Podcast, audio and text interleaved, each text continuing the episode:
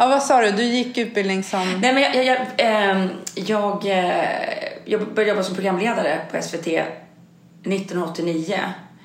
Eh, och då fick jag liksom, det var man ska säga, en kurs där i tv-journalistik. Eh, och den tror jag inte finns kvar. Men hur kom du in på TV? Var det liksom Fröken Sverige? Nej, det var det faktiskt inte. Var det inte Nej, det? Jag, jag bodde i Stockholm men åkte hem till Sundsvall för att hälsa på mina föräldrar, mina syskon. Och mina föräldrars granne var chef på Kappahl. Och de hade jättemycket sjuka, sjuk personal under liksom juldagarna. Och då frågade de mig om jag kunde tänka mig att hoppa in och då gjorde jag det. Och där jobbade Jan Trolin. Ja. Jag, kom, jag ryser lite nu. Jag kommer så väl ihåg honom. Han gick bort jättetidigt Ja, va? han dog i hjärntumör 1995. I april eller maj 95. Så det är ju 25 år sedan. För ni blev något radarpar Ja. va? Ni jobbade ihop, var det inte så? Jo. Eh, vi höll kontakten sen och sen började han som programledare ett halvår efter. Vi lärde känna varandra på Kappahl där. Och då bara sådär liksom? Det var ingenting Nej, som... nej men han, han, han bodde i Sundsvall för att han praktiserade på Mitt Nytt. Okej. Eh, alltså reg- regionala nyheterna där. Så att han ville ju in på TV. Eh, och sen sökte han programledarjobbet på SVT. Och gjorde det tillsammans med Gila Bergqvist. Och sen efter ytterligare ett år så skulle den här eh, utökas till fem dagar i veckan. Och då behövde de en till programledare. Och då ringde han till mig. Eh, och sa det, är du intresserad? För då ber jag min chef ringa dig. Och så var jag, åkte ner på en onsdag. Eh, och gjorde en TV-test. Och fick reda på på fredagen att, att jag fått jobbet. Och måndagen, tre dagar senare, hade jag min egna första direktsändning. Så gick ju så Skojar du? Nej. Mindre än en vecka alltså? Ja, det gick fort. Men var, var det program varje dag? Det gick måndag till fredag, Unga tvåan. Ja, varje dag. Unga tvåan? Ja. Ja. Eh, 17.30 till 18.30 tror jag att det gick. Var det direktsänt? Ja. Ja. Mm. Jag har ju varit med Plus två gånger. Det spelades in i Umeå. Ja, just det. Och det livebandades. Det är därför jag frågar så här, var det Ja. direktsändning? Det är direktsändning, Ja. men det här livebandades. Ja. Jag kommer ihåg att de var så här, de var så noga med att tala om att de inte klipper i programmet. Just det. Utan att det bandas liksom, som om det är livesändning, men sen sändes det på kvällen. Eh, jag jobbade ju på SAS då. Det är faktiskt ganska roligt det där. Jag, nu minns jag inte vad första anledningen var. Det var ju två olika... Jo, det var det. Nu kommer jag på vad det Men var. vad fan, det är bara att leverera. Ja, nej, men jag är ju också en liten sån här person som säger "Ja, kan du tänka dig att åka? Ja. Eh, och jag kommer ihåg att jag blev lite smickrad att de frågade mig från SAS sida då. Så här, kan du ja. åka? Ja, självklart kan jag göra det. Och så fick jag mediaträning träning av en tjej som heter Johanna. Och jag kommer så väl ihåg henne. Hon, var, hon lärde mig så mycket bara på så kort tid. Jag kan tänka att mediatränas, det borde alla göra. Mm. För att hon stod du vet, så här, två centimeter ifrån mig och bara sköt frågor. Och jag kunde känna så här, men lugna ner dig. Låt mig svara på den första frågan först. Men hur mycket man lärde sig bara utav den där övningen. Det handlade, nu kommer jag inte ihåg riktigt vad det handlade om. Men det handlade om eh, EU-regulativet. Alltså det finns ju ett EU-regulativ och när du bokar en resa och du ska få ersättning. Och det är så länge sedan så jag kommer inte riktigt ihåg allt det där. Men jag åkte upp tillsammans med en tjej som heter Ulrika som jobbar på kommunikationsavdelningen. Och eh, jag vet att mitt i den här övningen där jag liksom skulle preppas för det här programmet så sa jag vid något tillfälle till någon på kommunikationsavdelningen så här att Alltså, jag vet inte liksom, är det här, kommer det här bli bra? Du är så bra, du är så fantastisk, du kommer göra det, åh du är så bra. Jag fick så mycket så här positiva strokes. Och så sa jag så här, fast jag vet inte, jag tycker liksom inte riktigt att det här är jag som borde stå där utan det kanske är mer en vd-fråga, sa jag. Var på kommunikationschefen sa så här, vd, vi skulle aldrig utsätta vd för det här. jo, och jag kände så här, ups liksom, jaha, okej. Men eh, man kom upp där till Umeå och då började de ju med att testa. Alltså då, då man fick eh, torrsimma lite så här. Man fick vara i studion, de ställde lite frågor. Och då så sa de ju också, var jättenoga med att säga det, att det bandas inte. Så det kan man inte klippa in sen. Utan det handlar bara om var är kameran, var ska du stå? Du vet, det var ju någon prick på marken liksom. Här ska du hålla dig. Så här. Jag vet att de sa till mig så många gånger att bara så du vet, det här bandas inte. Så att jag till slut frågade så här, varför säger ni det hela tiden? Jo, sa de så här, för att det är så många som är så mycket bättre i liksom, torr, på torrsimmet än vad de är när vi sen bandar. Så vi vill att du ska vara medveten om att det bandas inte. Och jag var fruktansvärd på torrsimmet. Så jag vet att det enda jag tänkte det var så här, okej, okay, om det här var mitt bästa, om jag kommer vara sämre när det ska bandas, då kommer jag bli uppsagd. Du vet så här, vad vill jag jobba med om jag inte jobbar med det här? Men hur gick det? Ja, men det gick ganska bra faktiskt. Eh, eller det gick ju väldigt bra. Det gick ju så bra så SAS skickade mig även nästa gång. Jag åkte inte i soptunnan så att eh, jag måste ändå säga att det gick eh, ganska bra. Jag vet att hon Ulrika som var med från kommunikationsavdelningen, jag sa det, du måste skriva feedback så jag får feedback sen. Jag är en sån här feedback-junkie liksom. Jag älskar ju att få feedback. Och då sen när vi smög ut ur studion, när det liksom var vår, när vi hade gjort vårt och vi skulle smyga ut. Då visade hon upp det enda hon hade skrivit. Det enda som jag kanske så här efterhand skulle ha sagt annorlunda. Jag sa att på SAS fraktar vi 6 miljoner passagerare om året. ja, precis. Och det var också en sån här grej som jag fick äta upp liksom. vet, jag var så här... I lådor. Chef för customer relations liksom. Men vi transporterar dem inte, vi fraktar dem. Men det livebandades. Mm. Det var ändå... Um, och då vet jag också att en sån här grej som jag kan vara obs på när jag ser på tv och på filmer och sådär. För att då satt vi och så börjar den här, är det producenten som har koll på allting då? På. Den som stod inne i studion och typ såhär. Ja, det är studiomannen. Studiomannen uh. som var en kvinna. Hon bara nu är det dags, nu får ni vara tysta. Shh, shh. Och jag räckte upp handen så här som man fortfarande gör fast man är jättevuxen liksom. Och hon bara Shh. Fast jag tror att du vill att jag ska säga det här liksom. För då var det en klocka i studion. Och den klockan var inställd på vad klockan var när vi livebandade. Men det skulle inte sändas ja. förrän på kvällen. Så jag bara, klockan! Då ställde de fram klockan. Bra ja. där! Ser du sånt? Är du liksom bra på detaljer? Ser du sånt om det är någon film eller något sånt där? Ser du fel? Nej, alltså det beror helt på. I mitt jobb är jag väldigt bra på detaljer. Eh, alltså skulle jag stå i en studio så skulle jag verkligen se alla detaljer, detaljer eller om jag nu står på en scen. Mm.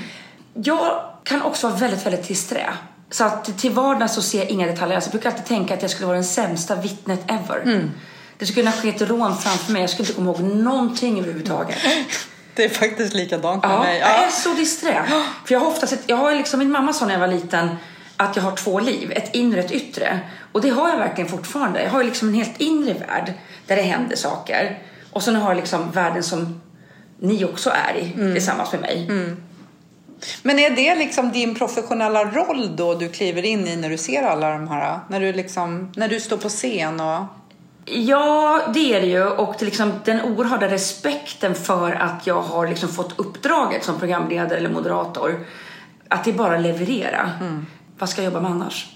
Lite som du jag, kände. Ja. ja, men jag kan också tycka så här. Jag har ju ändå varit på scen många gånger med många olika moderatorer. Och jag skulle säga att du är den bästa. Ja, men jag ju... hörde inte vad du sa Lisa. Men det har jag sagt du? till dig förut. Ja. Jag, jag, tycker att du tycker ja, jag tycker att du är fantastiskt bra. För att du, mm. Jo, den kan, jag kan till och med säga vad det är som... Du gör mig som talare helt 0707 trygg. 648 224. Ja. Nej, men du gör mig som talare helt trygg. Och, och, ibland så finns det ju moderatorer som går ut när talaren ska tala. Men du är med liksom hela tiden och du, eh, du, du är påläst. Du är så påläst så att du klarar av att vara spontan. Ja, men precis. Det brukar jag faktiskt säga ibland när folk frågar. Eh, hur kommer det sig att du är så spontan? Och då säger jag för att jag är så otroligt påläst. Mm. Så att jag lämnar ingenting åt slumpen. Nej, men sen är det en annan grej med dig som jag tycker om. För att du kan ju intervjua då, om det är en branschdag till exempel, så intervjuar du och lite kan jag se, moderatorns roll är lite att ställa de frågor som publiken skulle vilja ställa. Mm. Så, så, du blir ju någonstans liksom mm. fogen mellan publiken och den som faktiskt står på scen. Men att du inte alltid nu ska jag säga, du är inte alltid snäll, men då menar jag inte att du är dum. Men du ställer vassa frågor. Men vad du är snäll. Nej, men... 6, 4, 8, 2, 2, 4. Nej, men jag tycker det. Kan inte du hålla med själv om att du är det? Eh, att jag är duktig? Ja, nej, men, och att du ställer de här vassa frågorna. Du är inte rädd? Nej, nej men så här, jag är inte alls rädd överhuvudtaget. Och eh, vissa människor är ju inbjudna för att svara på vissa frågor. Men samtidigt så är jag mån om att ingen ska känna sig obekväm. För att det vinner ingen på. Eh, publiken vinner minst av allt på det för de blir också väldigt obekväma om någon är obekväm på scenen. Eh, och den här personen kanske aldrig mer vill träffa mig som moderator. Det händer om jag vet att jag ska ställa extremt obekväma frågor. Då brukar jag oftast förbereda dem. Mm. Så att de får chans att tänka till en dag innan eller en vecka innan. Mm. För ingen vinner på att folk blir bortgjorda. Eh, och det är jätteviktigt för mig. Nej, och ibland så kan det ju vara, det där är ju likadant i, det behöver ju inte vara en publik och någon som står på scen. Alltså ing, eh, det är ju även om det är en chef och en medarbetare ja. eller en mm. kompis eller mm. ingen vinner ju långsiktigt på att göra bort någon annan. Äh, inte överhuvudtaget. Det kan ju vara en kortsiktig, du vet som man bara ja, mm. jag satte dit någon eller jag ställde en vass fråga. Men på lång sikt så är det inte, och det ger ju inte heller dig fler uppdrag om du skulle vara... Inte alls. Och sen, jag tror så himla mycket på att vara snäll.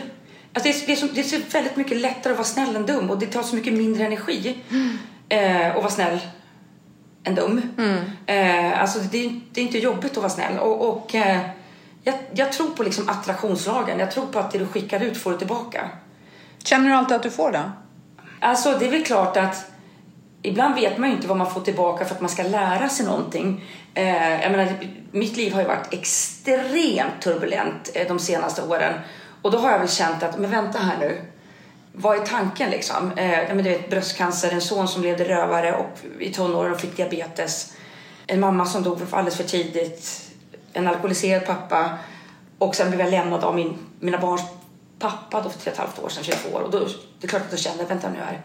Jag, jag fattade, ja, jag fattade innan liksom. Ja. Mm. Eh, och, men så här efteråt, så ett, det var bra att han lämnade för vi levde inte i en bra relation.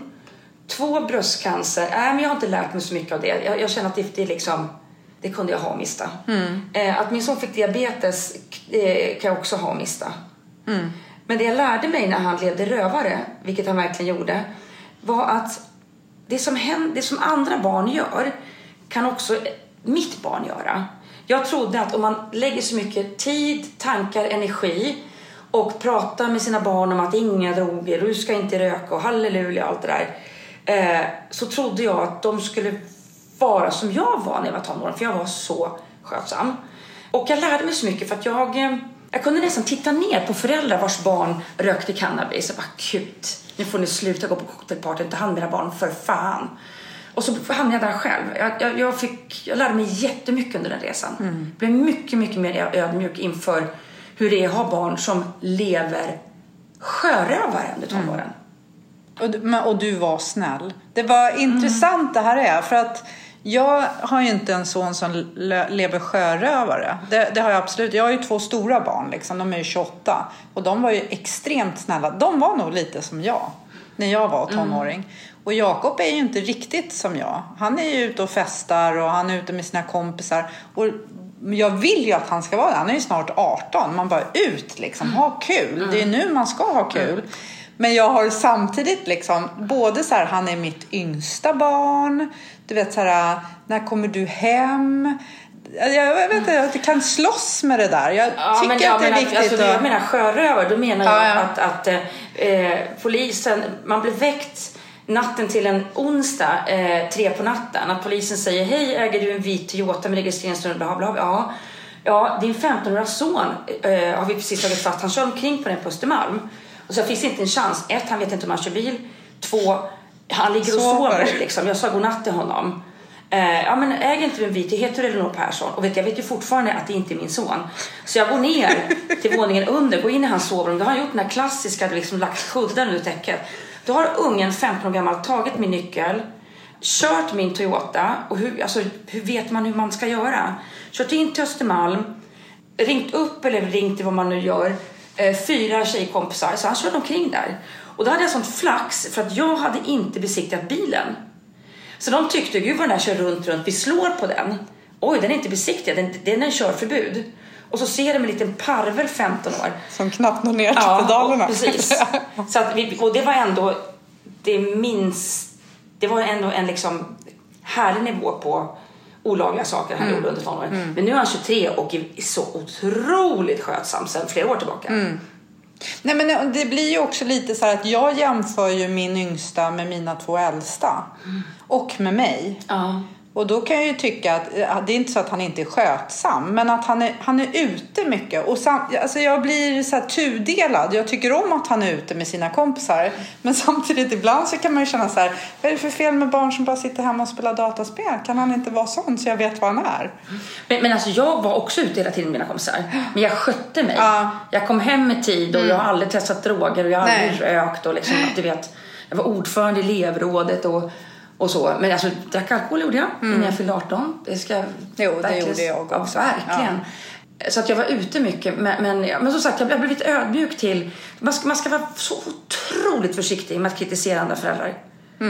Oj, vad man ska passa sig för att man har ingen aning om vad de går igenom. Nej, man har inte hela bilden. Man gör sig en uppfattning på en del utav bilden. Och det är ju oavsett om det är andra föräldrar eller andra människor överhuvudtaget. Liksom. Att man tycker att saker borde vara så lätta. Men det är, bevisligen så var de ju inte det Nej. för, för dem. Liksom. Nej. Nej.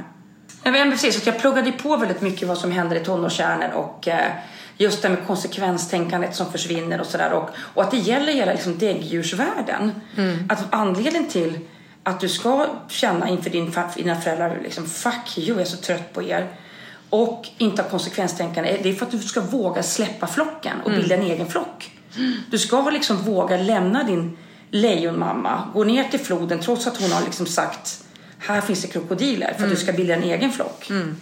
Eh, så att jag fattar hela den bilden. Men, det var väl, men jag, blev, jag tänkte mig då, min son, det är mitt äldsta barn, att han hade blivit kidnappad av rymdvarelser och flyttat till en annan planet.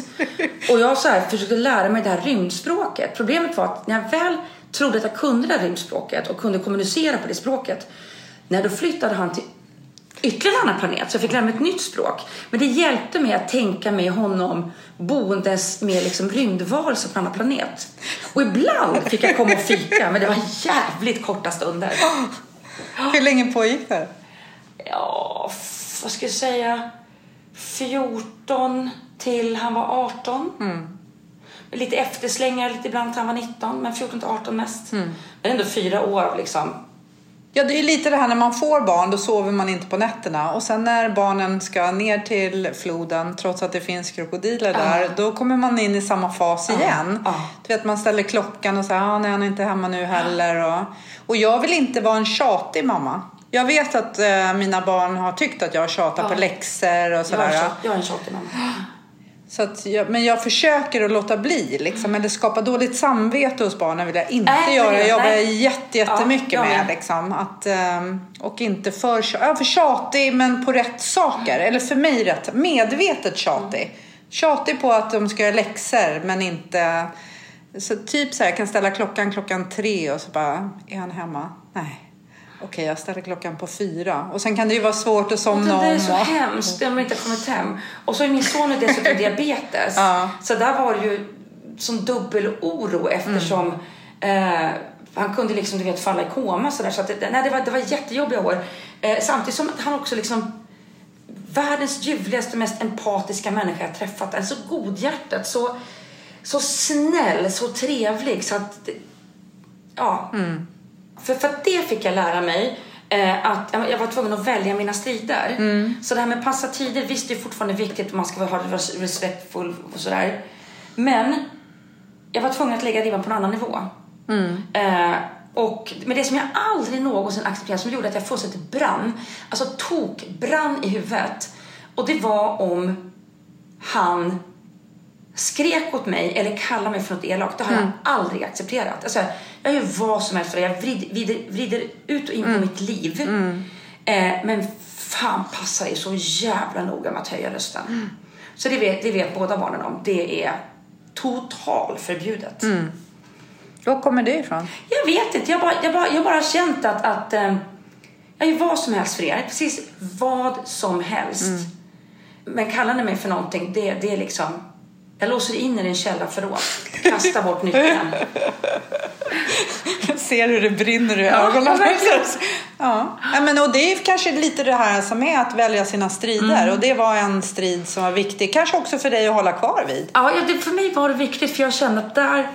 Det var så mycket annat som var respektlöst. Eh, som att någon snor en spin när man är 15 till exempel. Så där gick liksom För någonstans så, så kände jag hela tiden att jag som person, som mamma, blev respektfullt behandlad. Det var liksom, jag kunde skilja på handlingarna och hur jag blev behandlad. Mm. Men återigen, han är världens, världens, världens ljuvligaste Mm. sen flera år tillbaka. Och det blir väl bra liksom? Ja, men jag fick också lära mig det här att jag har väldigt svårt för den här sägningen Åh, har han hamnat i ett dåligt gäng eller har han dåliga kompisar? Vad fan är det för jävla liksom, inställning? Alltså, ja, han är ju lika dålig själv då i sådana fall. Han är lika dålig själv. Alltså, säg inte det. Nej. Det där, det där är, men är inte det där lite liksom att försöka hitta anledningar? Kan man inte säga så till? Skulle man inte kunna säga så till dig för att på något sätt berätta att du inte är dålig? Är det inte liksom jo, jag tror det. syftet ja, med har att skulle jag säga ja, så har så jag skulle det bero på Det, det är faktiskt Jordan, det är han som gör det här. Det är ingen som tvingar honom. Nej. Eh, så jag, den köper inte jag. Eh, att man ska skylla på andra. Fast det där är också för mig, jag skrattar nu, för, för mig är det så du. Alltså för mig är du så reko. För det är ju ett, mer ett reko sätt att agera, liksom att tänka. Det är Ja. inte att man inte har ansvar själv, utan man har ett ansvar Mm. själv. Men det hör man ju ofta så här. Jag trodde att de hade hamnat i ett dåligt gäng och druckit Mm. alkohol och så här. Så visade det sig kanske att det var det barnet som hade fått tag på alkohol som de andra hade druckit. Ja, men vet, Så precis. bara, ja. Och så, ja. Ja, nej, men sen vill jag också säga om det är några tonårsföräldrar som lyssnar här. Att också vara förlåtande. Det som händer i tonåren, det, de, det är väldigt speciellt. De blir, de blir helt puckade, många av dem. Och att man ska vara förlåtande sen när det går över. Att inte prata om det längre. Och så här var du, säger jag som rabblar det här i podden. Men, men även mot andras barn. Att man säger jag har väldigt svårt för när vuxna människor pratar illa om barn och tonåringar. Ja, men jag, har svårt för det här barnet, jag vet att det här barnet har snattat mycket. Liksom, ja, det kanske ditt barn också har gjort då, ingen aning. Men är det just tonåringar du tänker? Eller tänker du typ så medarbetare på en arbetsplats? Är du lika förlåtande mot oss vuxna? Nej, det är jag nog inte. Det beror väl på vad den personen har gjort. Men eh, jag är väldigt mycket för det egna ansvaret. Men inte det- skylla ifrån sig? Ja, jag är väldigt mycket för det egna ansvaret och det har jag lärt mina barn. Skyll för guds skull inte ifrån er.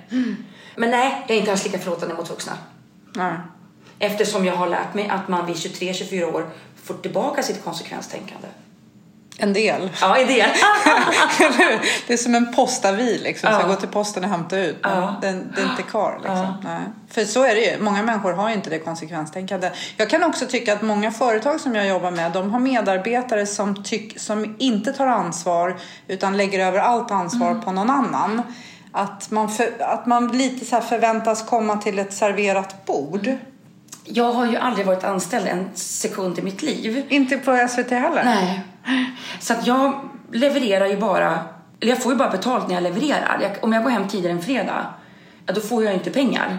Men jag har förstått att liksom, det kan vara så att man skyller ifrån sig och eh, det här vill jag inte göra, nu går jag hem tidigare och sådär. Men eh, ja, det funkar inte om man frilansar. Nej, det där hade jag någon idé för hundra år sedan som jag vet att de liksom skakar på huvudet åt. Det var, då jobbade jag på SAS. Jag hade sagt upp mig på SAS och så gjordes det någon artikel om mig i Unionens tidning. Så jag vet att jag berättade det för den journalisten, men jag berättade också det för honom som var han som var VD på SAS då. För jag hade någon idé och jag har, kan fortfarande ha den här idén men jag tror att tajmingen är inte rätt liksom. Men en idé om att man ska ha, att alla ska vara entreprenörer. Du är lite så här, ja men jag jobbar i ett stort företag men jag har ändå liksom en, jag har en arbetsbeskrivning, jag har lite som vi som frilansar ändå har det då. Att vi kan, går vi hem på, tidigare på fredagen, det kan vi. Vi kan ta ledigt hela fredagen men då kan vi inte fakturera. Exakt. Och, och lite så här att ja, men jag gillar inte att mejla, jag gillar att skriva brev och sätta på porto. Ja, kan du göra. Men då kommer du också behöva betala för papper, kuvert och porto. Eller så tar du de pengarna och så mejlar du istället. Du kan välja. Men oj hoppsan, nu är dina pengar slut den här månaden. Och sen att hitta något form av system. Det är fantastiskt. Något system där man liksom, för att du kan ju tänka dig så här om du jobbar på Kappahl till exempel. Då säljer du Och så får du liksom eh, en vinst på det du säljer och det ska gå till din lön och så här. Men alla säljer ju inte. Utan det finns ju också, det är också viktigt att du har en administration eller du sitter i kundtjänst. Man vill dela på det där på något sätt då? Ja, eller att man hittar något typ så här poängsystem. Så här. För varje samtal jag svarar på så får jag, inte vet jag, typ två poäng. Och sen, eh, om det ska vara något form av liksom in och ut. Så här, ja, och sen vill jag ha pengar till porto här. Ja, fast nu fick du bara sex poäng idag och portot kostar tre. Och din arbetsplats varje dag kostar två. Och sen har du väldigt mycket strul med din dator och du kontaktar IT-avdelningen hela tiden kostar också pengar. Alltså att allt det här... Men kan det finnas no någon risk att det blir för mycket tävling, att man inte hjälps åt? Ja, fast det kan ju också, det tror jag absolut att det kan. Och så är det ju mycket med bonus i säljorganisationer, du får bonus och så här. Men det går ju egentligen att reglera i ett bonusprogram. För du kan ju också få poäng för hur du hjälper andra. Mm. Men, men det, du behöver, det där kan jag också säga, det är lite svenskt liksom att vi vill ha eh, den, vi, vill liksom, vi ska hjälpas åt. Ja, vi ska hjälpas åt, men vi ska inte hjälpas åt så att vi inte skapar resultat. Förstår? Jag gillar jättemycket att hjälpas åt, men jag har ju också varit chef för medarbetare som har haft så fullt upp med att hjälpas åt så att de har inte hunnit leverera på det de Nej, ska. Men alltså, det är väl resultat, är väl det som är hela poängen med allt. Ja, fast alltså, jag, jag, kan, ibland kan vara så, jag kan vara så trött på det här med inspirationsdagar och nu ska vi lära oss att samverka. Om alla vill åt samma mål, alltså liksom det här resultatet, kan inte bara ske av sig självt. Fast det kan det inte tror jag. Och jag tror att inspiration tror jag är viktigt. Men inspiration som ska leda till något. Mm. Och ibland så kan jag uppleva att det poppar upp saker. Du vet som på Gröna Lund när man ska slå mm. på de här du vet, vet vilka jag mm. menar? Oh, ja, precis. Ja, grodor är det som ja. dyker upp så och så ska du slå på så många som möjligt. Att det är lite så man gör. Att man ser inte helheten. Jag skulle så här, mer i företag vilja att du har en du har en värdegrund, du har en strategi, du har en vision. Gå in på ett stort företag och fråga medarbetarna så här, vad är vår vision? Så lovar jag att det är jättemånga som inte vet. Säkert något företag där alla vet, men väldigt få. Väldigt få. Nej, men det vet jag inte riktigt. Nej, fast visionen ska ju vara lite min riktning. Ska jag välja A eller B? Ja, vilken tar mig snabbast till våran vision? A, jättetydligt. Då är det A jag ska välja. Mm. Så att, att inspirationsdagar som leder till, ja, förstår, inte bara ja, en groda nej, förstår, som poppar upp ja, nej, och bara jättekul. Det, liksom. det, är ju otroligt viktigt att man i företag vet liksom, vad det är för vision. Hur ska vi nå dit? Alltså vad är det för mål på vägen? Eh, och vad det är för värdegrund. Det håller jag med om. Men jag kan ibland känna så här, och idag fick jag ingen inspiration, inspiration så jag skrev inget och hur får du inspiration? Och då kan jag verkligen så här, nu kommer jag typ få hat mig, men jag kan ibland känna att inspiration är för amatörer. Jag, jag levererar. Jag behöver mm. inte känna att solen lyser in från höger och jag har någon skön musik. Okej, okay, det här ska manuset skrivas. Jag älskar mitt jobb. Jag levererar. Jo, men du levererar ju även om du inte älskar just det här ja, manuset absolut. som ska skrivas. Du måste ju skriva det i alla fall. Yep. Och det är det jag kan tycka så här att jag tror att alltså, hela mitt det här poängsystemet mm. gick ju lite ut på att du ska vara entreprenör fast, mm. du, jobbar, fast du är anställd i ett stort företag. Det finns vissa saker du ska kunna. Har du eh. presenterat det här för någon? Ja, men jag pratade ju då med SAS VD och han log ju lite eller huvudet på sned. Jag hade ju väldigt mycket så här knäppa idéer. Och en del så här pressade jag in. Och, och en, en del blev jättebra, en del blev inte jättebra mm. liksom. Men jag vet att jag var lite känd för, alltså det blir ju också lite jobbigt när du kommer med alla de här idéerna. Ja, han log lite, la huvudet på sned och bara mm. Sen var jag så himla uppe i det där så att när den här artikeln skulle skrivas om mig då liksom bubblade allt det där ur när journalisten skulle intervjua mig. Och han var ju från Unionen då. Han bara, eh, ja, tror du verkligen att det där kan vara bra? Men alltså mitt syfte är ju inte att Alltså jag tänker ju inte att det är för att sätta dit folk. Nej, utan jag tänker ju också att man kan se så här, oj, titta här, Lisa. För det första Lisa så kan det vara bra för dig att veta att porto kostar pengar. Eller vet du vad Lisa, när du gör det här kostar det pengar så gör så här istället. Men också så här, vi, nu märker vi att Lisa kan bara svara på 10 eh, kundsamtal per dag. Och Elinor, hon svarar på 22. Vad är det vi behöver hjälpa Lisa med? Oj, hon pratar lite för länge. Hur kan vi se till att hon fortfarande har bra kvalitet, tycker att det är kul att gå på jobb, till jobbet, men kan svara på, mm. kanske inte 22 som Elinor, men kanske 15 mm. eller 18 eller Förstår du? Så att jag tycker också att man släpper, det är så frihet under ansvar. Det är väldigt mycket frihet hos många. Jag kommer också få hatmejl. Jag tycker att eh, det är också väldigt mycket frihet. Jag möter många människor som har en arbetsbeskrivning men allt på den är inte roligt och då gör man inte allt. Det är Lite bara att leverera. Eller hur? Ja. Jag vet faktiskt också att jag var på ett företag och då medarbetargruppen där hade väldigt mycket synpunkter just på, jag tänker på det när du säger solen kommer in från höger. För det fanns en arbetsterapeut. Du vet, då var det väldigt mycket snack om höj och sänkbara bord och det var liksom och den här enheten hade inte höj och sänkbara bord och det var lite status att få höj och sänkbara bord. Det här är några år sedan. Så småningom så tog vi in höj och sänkbara bord men alla satt ändå.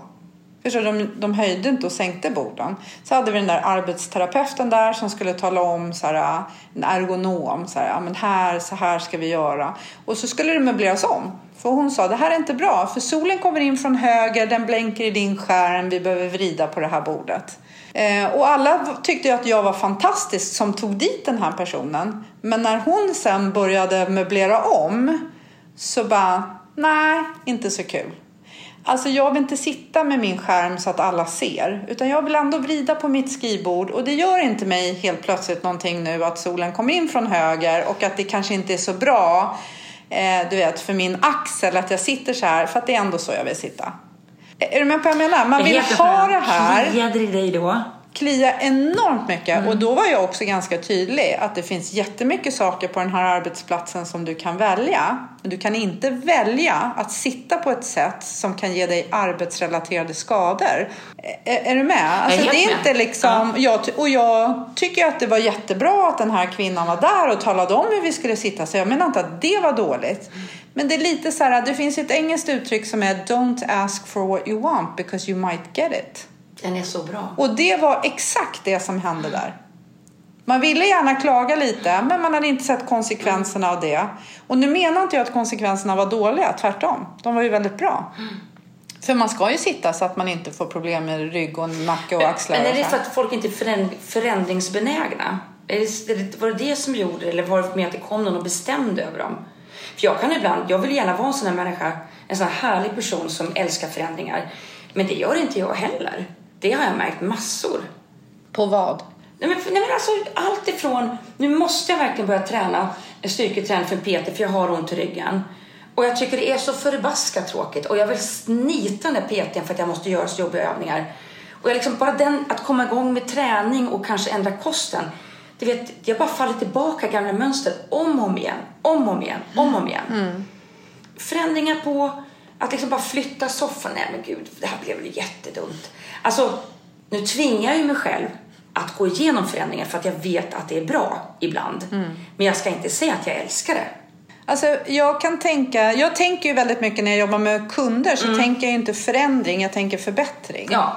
Och jag, för mig så är det lilla ordvalet bara, den skillnaden gör, eh, har en stor effekt för mig. Det för jag håller med om. Jag tänker att du ska ju inte möblera om, du ska ju inte ställa soffan på ett nytt sätt bara för att ställa den på ett nytt sätt. Mm. Utan i så fall ska ju det vara ett bättre mm. sätt. Och då kan man ju prova så här, nej soffan stod jättebra där och då skapar det någon form av medvetenhet. Sen med träning och kost, då får man ju kanske se så målet.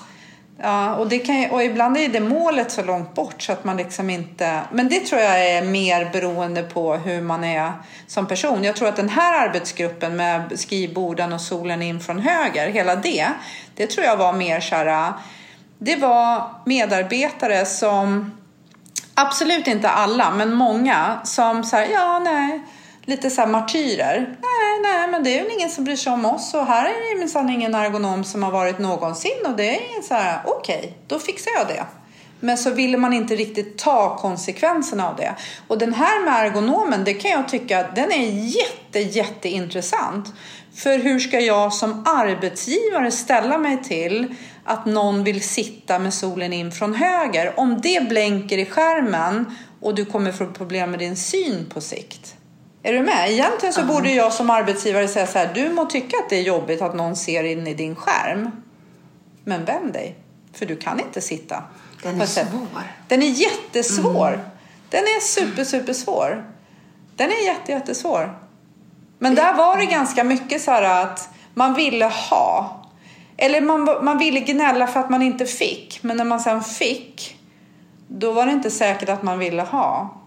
Just alltså det. här var en fantastisk avdelning, så jag ska inte, men jag kan berätta en annan grej som jag gjorde. För att jag var då på försäljningsavdelningen på Sassara, på försäljningsavdelningen och när du gick ut i korridorerna, liksom, vi satt ju ändå i, inte öppet landskap, vi hade egna kontor och så var det typ ett öppet landskap i mitten och så var kontorerna liksom utsmetade på sidorna. Men när vi gick in i det här öppna landskapet i mitten så var det väldigt tydligt att man jobbade på SAS. Du vet, det fanns flygplan, det fanns eh, någon eh, tv-skärm, det fanns liksom, det var väldigt så här sassifierat där ute. Så kom jag till den här eh, nya avdelningen som också var på SAS och där var det såna här Ellos-tavlor, vet du jag menar? Så här, I pastellfärger, två solstolar liksom. Du vet, man gick ut, man kunde gå ganska mycket runt omkring så här. Det fanns inget som var SAS. Och det fanns dessutom en grej på den här avdelningen som man pratade mycket om som negativt och det var att man inte fick broschyrställ. På försäljningsavdelningen så hade vi broschyrställ och du vet, det uppdaterades, det kom nya broschyrer som vi delade ut till kunder. Så här, det var liksom, det, det uppdaterades. Men på den här nya avdelningen så fanns det inga broschyrställ. Och det var ändå så att du behövde hitta information om vad kunderna hade fått för information. Och så här. Nu, nu är det ju mycket mer digitalt, men det var det inte då. Och jag fixade ett sånt där broschyrställ. Det var mycket snack om det där broschyrstället och vi skulle uppdatera så att vi var säkra på att de broschyrer som låg där faktiskt var up to date och inte gamla broschyrer. Och det här broschyrstället stod ganska precis utanför mitt kontor. Så att vi fixade det där och det var ändå lite fix liksom. Och jag ska vara och säga att jag fick väldigt mycket cred från medarbetarna för att jag fixade det där broschyrstället. Så de, de gillar mig för att jag fixade det där. Så det kan man ju se som något positivt. Men jag kunde ju också märka att det var ju aldrig någon där. Det var aldrig någon i broschyrerna. För att jag satt ju innanför. Det var ju liksom, jag trodde ju att folk skulle komma dit och gå tillbaks och lämna och hämta och du vet så här. Det hände ingenting. Så att jag tog tio post-it-lappar och så skrev jag på dem, varje post-it-lapp så skrev jag så här, du kan byta den här post-it-lappen mot en biobiljett hos Lisa. Och så la jag in sådana här post-it-lappar i olika broschyrer lite här och där. Så här. Och så väntade jag. Hände ingenting. Är det sant? Hände ingenting.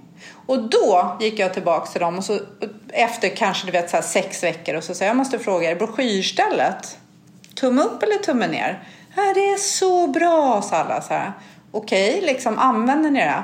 Ja, kom det. Okej, sa jag. Håll i er nu. Jag har lagt i tio post-it-lappar. Hittills har noll personer kommit till mig och bett om en biobiljett. Fundera på den. Vad sa de då? Nej, men då var det... Det vart ju lite, det vart ju lite jobbig stämning kan man lugnt säga. Men vi återanvände det där så att när de sen bad om saker så sa jag det kan ni få så länge det inte är ett broschyrställ. är det så? så att man får liksom Ja. tänka efter. Så här. Det handlar inte om att bara få Mm. utan det handlar också om att använda det man får. Mm. Och det för mig är det... Jag vet inte, jag tror att jag alltid har varit entreprenör även om jag jobbat i stora företag. Mm. Alltså manuset ska skrivas. Och om solen lyser in från höger och jag gillar det så är det kanon. Men om solen inte lyser in från höger så måste jag ändå skriva manus.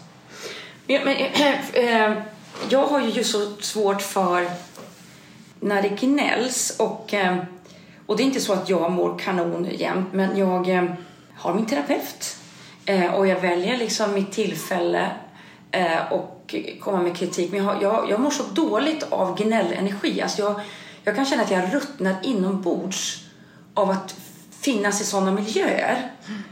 Och vad, du då som har jobbat med den stora liksom, här stor koncern.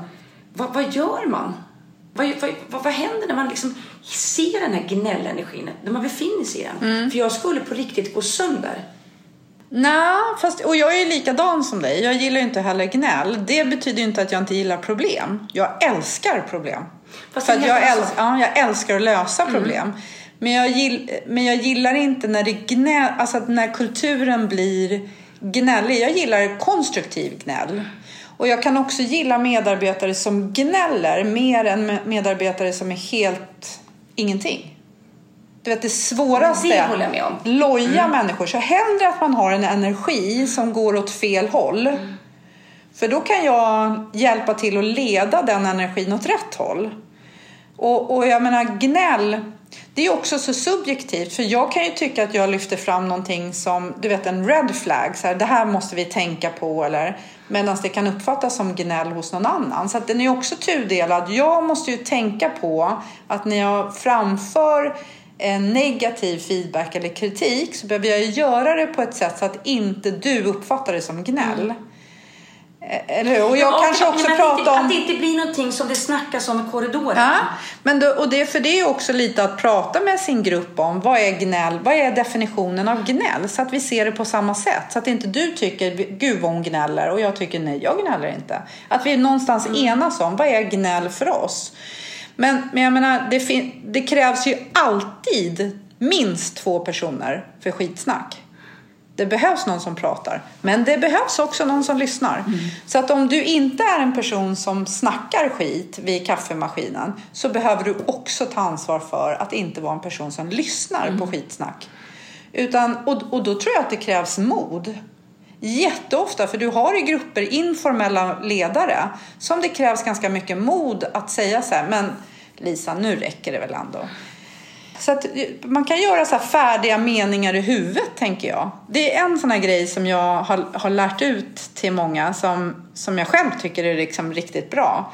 Om du skulle komma till mig och snacka skit om Pelle så kan jag ju välja, om jag inte vill liksom gå på det och säga men vad fan sluta liksom. Så kan jag vänta ganska länge och så kan jag lyssna på dig.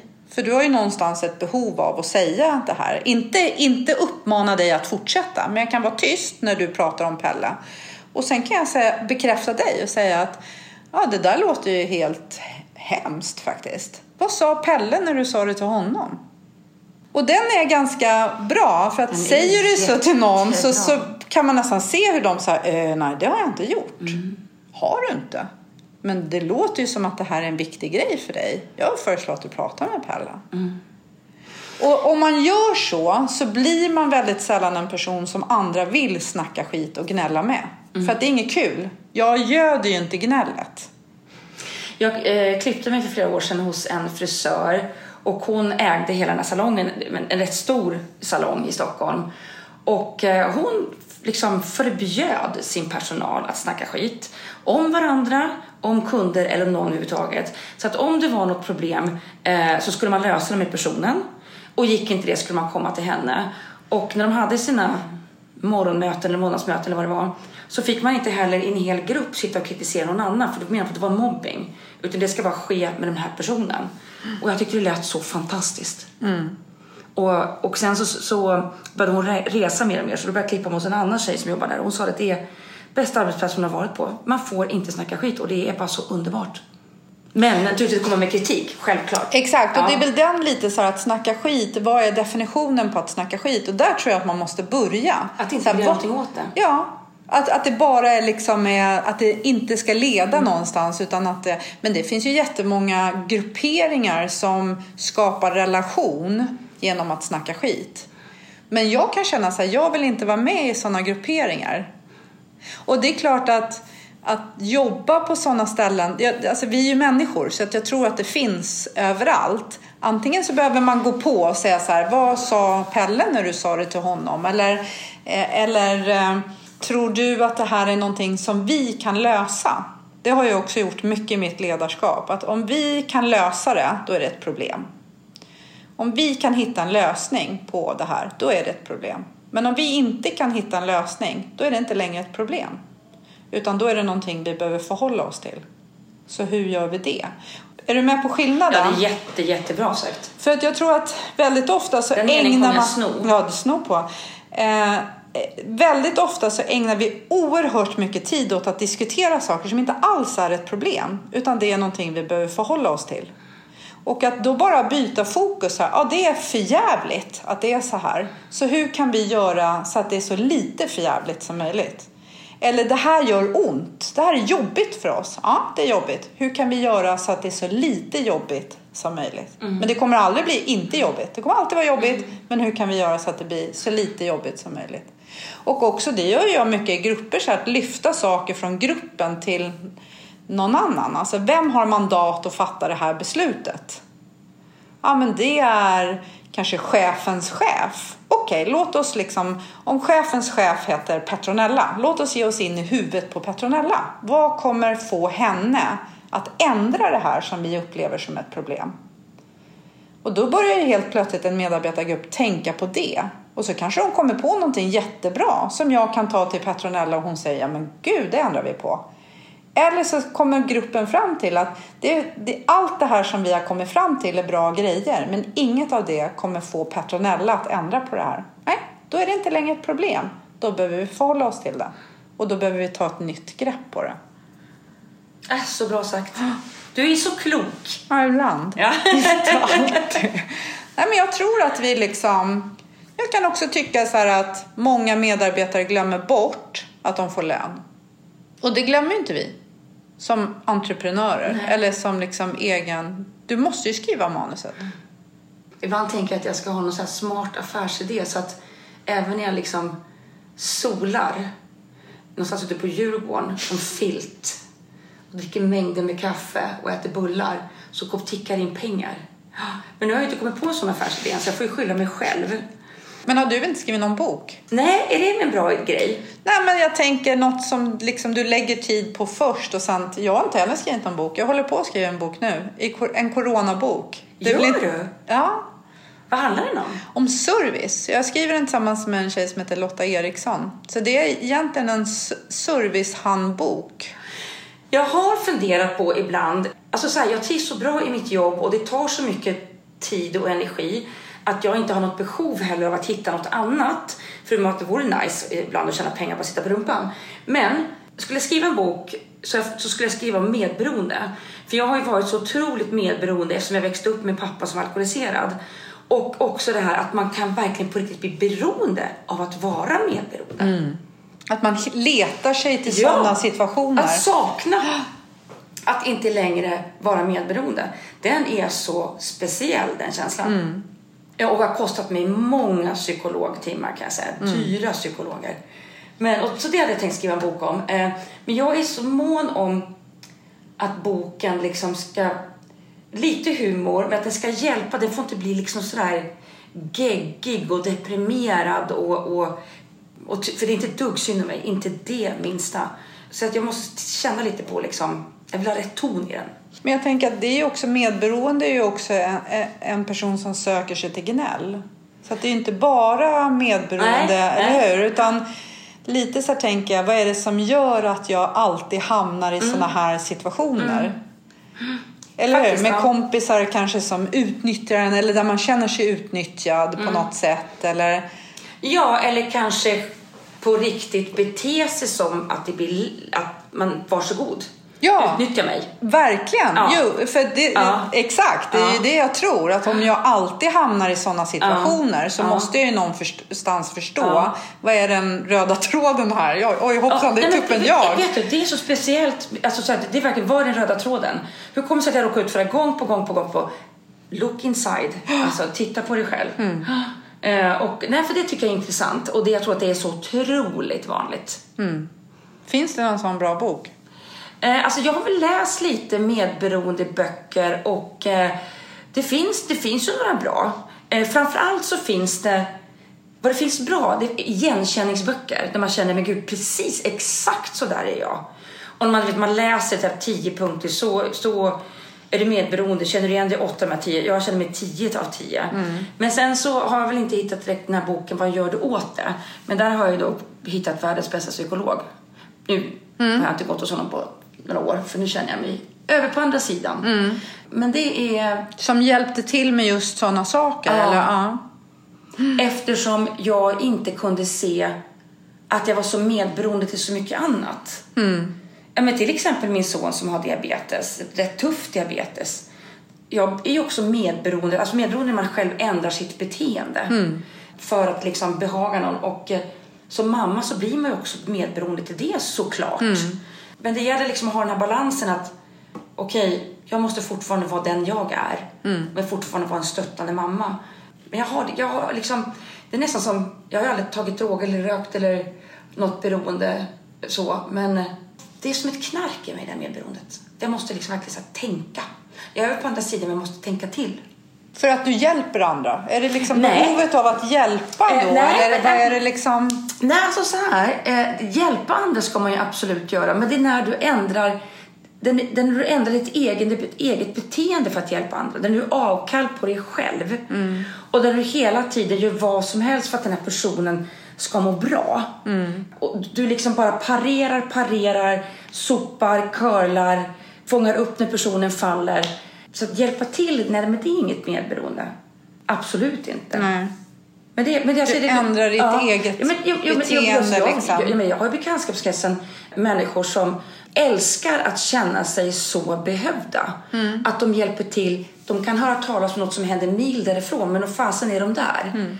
För att de tycker att det är sån jävla kick att känna sig behövd.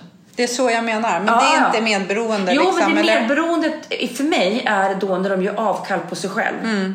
Eh, och liksom eh, inte liksom lever sitt eget liv. Men är inte det också något form av ideal? Att du vill liksom leva upp till något form av ideal?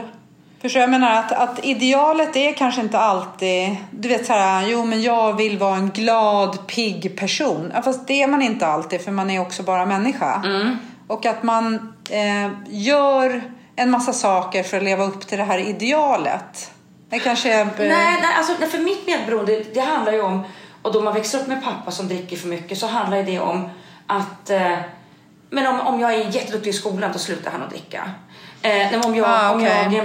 jag eh, gör hans bästa bullar då kommer han sluta att dricka. Eh, om jag eh, ser till att jag är hemma och, och har koll på det så slutar han att dricka. Att, eh, Mm, jag fattar. Ja, så att det är liksom inget, för mig var inte det, men i och för sig, alltså så här, vad jag förstått som vuxen var ju hur jag försökte vara liksom det här perfekta barnet. Men det var, ju, det var ju för att han skulle sluta dricka. Det var ju inte för att bli omtyckt utan det var ju, allt var ju för att han skulle sluta dricka. Och också för att kompensera rykten om min pappa som dricker. Då får jag kompensera det Genom att vara duktig. genom att vara duktig. Precis. Eller inte duktig kan ju också Ja, vara. absolut. Eller nu kanske du valde duktig men det hade Mm. ju också kunnat vara att och, och göra dåliga saker. Ja, liksom. men det här, det här, alltså... Sen stöter man ju på människor under livet som behöver hjälp och sen är man ju där igen. Alltså, det, någonstans så- så ska också hjälpen kännas att jag vill hjälpa. Jag vill hjälpa den här personen. Men jag tänkte på det när jag var med i Djurgårdens fotbollsstyrelse i 13 år och jag var vice ordförande en massa år också. Och, eh, jag förstod det först, liksom, vi hade massa kriser. Alltså du vet, vi var på väg i konkurs. Det var tränare som blev mordhotade och tränare som hoppade av. Och du vet, det var liksom det var total kaos. Och så var det så fruktansvärt tragiskt för vi var ju en av, av våra supportrar som blev nedslagen. Eh, Ja, just det. Ja. Och, Och dog, va? Precis. Och, eh, men då när, när ordförande ringer till mig och säger det här har hänt. Självklart så tycker jag att det är fruktansvärt. Men hela min hjärna klarnar. Den bara klarnar och jag vet exakt vad jag ska göra. Jag vet, jag ringer en krishanterare, jag fixar det. Eh, vi måste öppna krocktornet. Vi, eh, vi kommer få besöka massor. Till, till och med så här att jag tänker på att vi ska, måste köpa fika, måste köpa en bok där alla får skriva sina kondolenser. Och så där och då var det, så- då sa den här ordförande då så här att ja, det är så otroligt ändå för att så fort det blåser så är det dig man ringer, det är dig man håller i. Och jag tänkte inte så mycket på det. Jag tänkte, jaha ja, men jag, för jag förstår inte att det det är, kriser är inte så svårt för mig. Nej. Det spelar ingen roll om liksom min dotter föds för tidigt, nästan tre månader och läkaren säger att hon ska dö. Min son får diabetes. Du har gjort så många. Jag, menar, alltså, så jag, du, jag, ja. jag får liksom gå in nästan igång på det. Självklart inte att folk dör. jag fattar Ja, verkligen. ja. Jag fattar verkligen. Så sen då när vi i Djurgården Fotboll plötsligt hade liksom massa miljoner på, på, på kontot. Det var inga tränare längre som blev mordhotade eller hoppade av eller, eller så. Så upptäckte jag att jag inte kunde leverera. Jag satt där i styrelsen och eh, jaha, nu ska vi titta framåt. Vi gör det skitbra. Det går bra för oss nu på alla plan. Och jag bara, vad fan gör man nu? Jag sa det till, till, till. Jag, jag vet inte riktigt hur man gör nu. För jag är ju expert på att släcka bränder. Och då kom det upp liksom så här, okej, the story of my life. Att jag också kanske dras till att släcka bränder. Men kan det... Stora bränder, Jag fattar. gärna ja. stora bränder. Ja. Och då har du fullständig koll. Då Alltså, klarnar det i hjärnan. Och då alltså, vet du, ja. alltså jag är så duktig på att släcka bränder. Och som sagt, gärna jättestora bränder. Men kan det inte vara någonting du gillar? Alltså förstår du? Kan inte det vara så här, ja men du är den perfekta krishanteraren? Måste det vara dåligt att det är där Nej, du nej liksom... men jag förstår. Jag, jag, jag förstår vad du menar. Men det behöver såklart inte vara dåligt eftersom jag ändå har gjort något gott med att jag är bra i kriser. Men det blev så uppenbart för mig att okej, vi har haft massa år med kriser. Nu var de över. Och då hade jag inget mer att ge. Och, och den tyckte jag var lite konstig. Faktiskt. Fast tror du verkligen att du inte hade mer att ge? Förstår, Det är bara mer att det var liksom, du var då helt plötsligt så hamnade du utanför din komfortzon och för de flesta människor kanske det är precis tvärtom. Att det är först i kris som man känner så här, oh, det blir... För jag satt i två år och bara, men gud. Alltså du vet, vad ska jag leverera? Jag satt i två år och bara tänkte, allt bara flyter på. Ja. Eller flyter på gör det aldrig. Nej, jag, fa- jag fattar Men- vad du men- menar. Men det var inte tillräckligt stor kris för att du... Men är det liksom att du Jag inte känner att du bidrar? Eller bidrar du faktiskt fast det inte är kris, fast du inte känner det? Jag tror verkligen både och. För det var så påfallande hur mycket jag bidrog innan. Att jag var så här, du vet den här som man verkligen håller sig i när det blåser. Till att liksom, jaha. Men det är ju också lite moderatorjobbet. Ja, vet. Alltså, eller hur? Det är ju det du gör. Du är ju liksom navet. Och sen har du koll på allt. Och sen kan det ibland vara lite kris. Det kan vara någon som är nervös. Eller någon talare som inte dyker upp. Eller mikrofonerna går sönder. Eller så här. Och det är ju tyvärr så att jag mår ju som bäst då. Ja. När, när folk inte dyker upp och mikrofonerna, det vet jag, jag, säger, jag blommar ut. Och det, den är ju jättekonstig. Den är ju, den är ju jättekonstig faktiskt. Eh, Men jag tror så här, själv, det är väl jättebra. Jag kanske, jag, vem vet, jag kanske har de generna. Jag kanske föddes som en krishanterare. Det viktiga är att inte göra avkall på den man är och det man vill göra och sitt liv och sin personlighet för att rädda andra. Det är det man måste ha koll på och det hade inte jag under många, många år. Jag tänker att vi slutar där. Tack snälla. Tack, tack.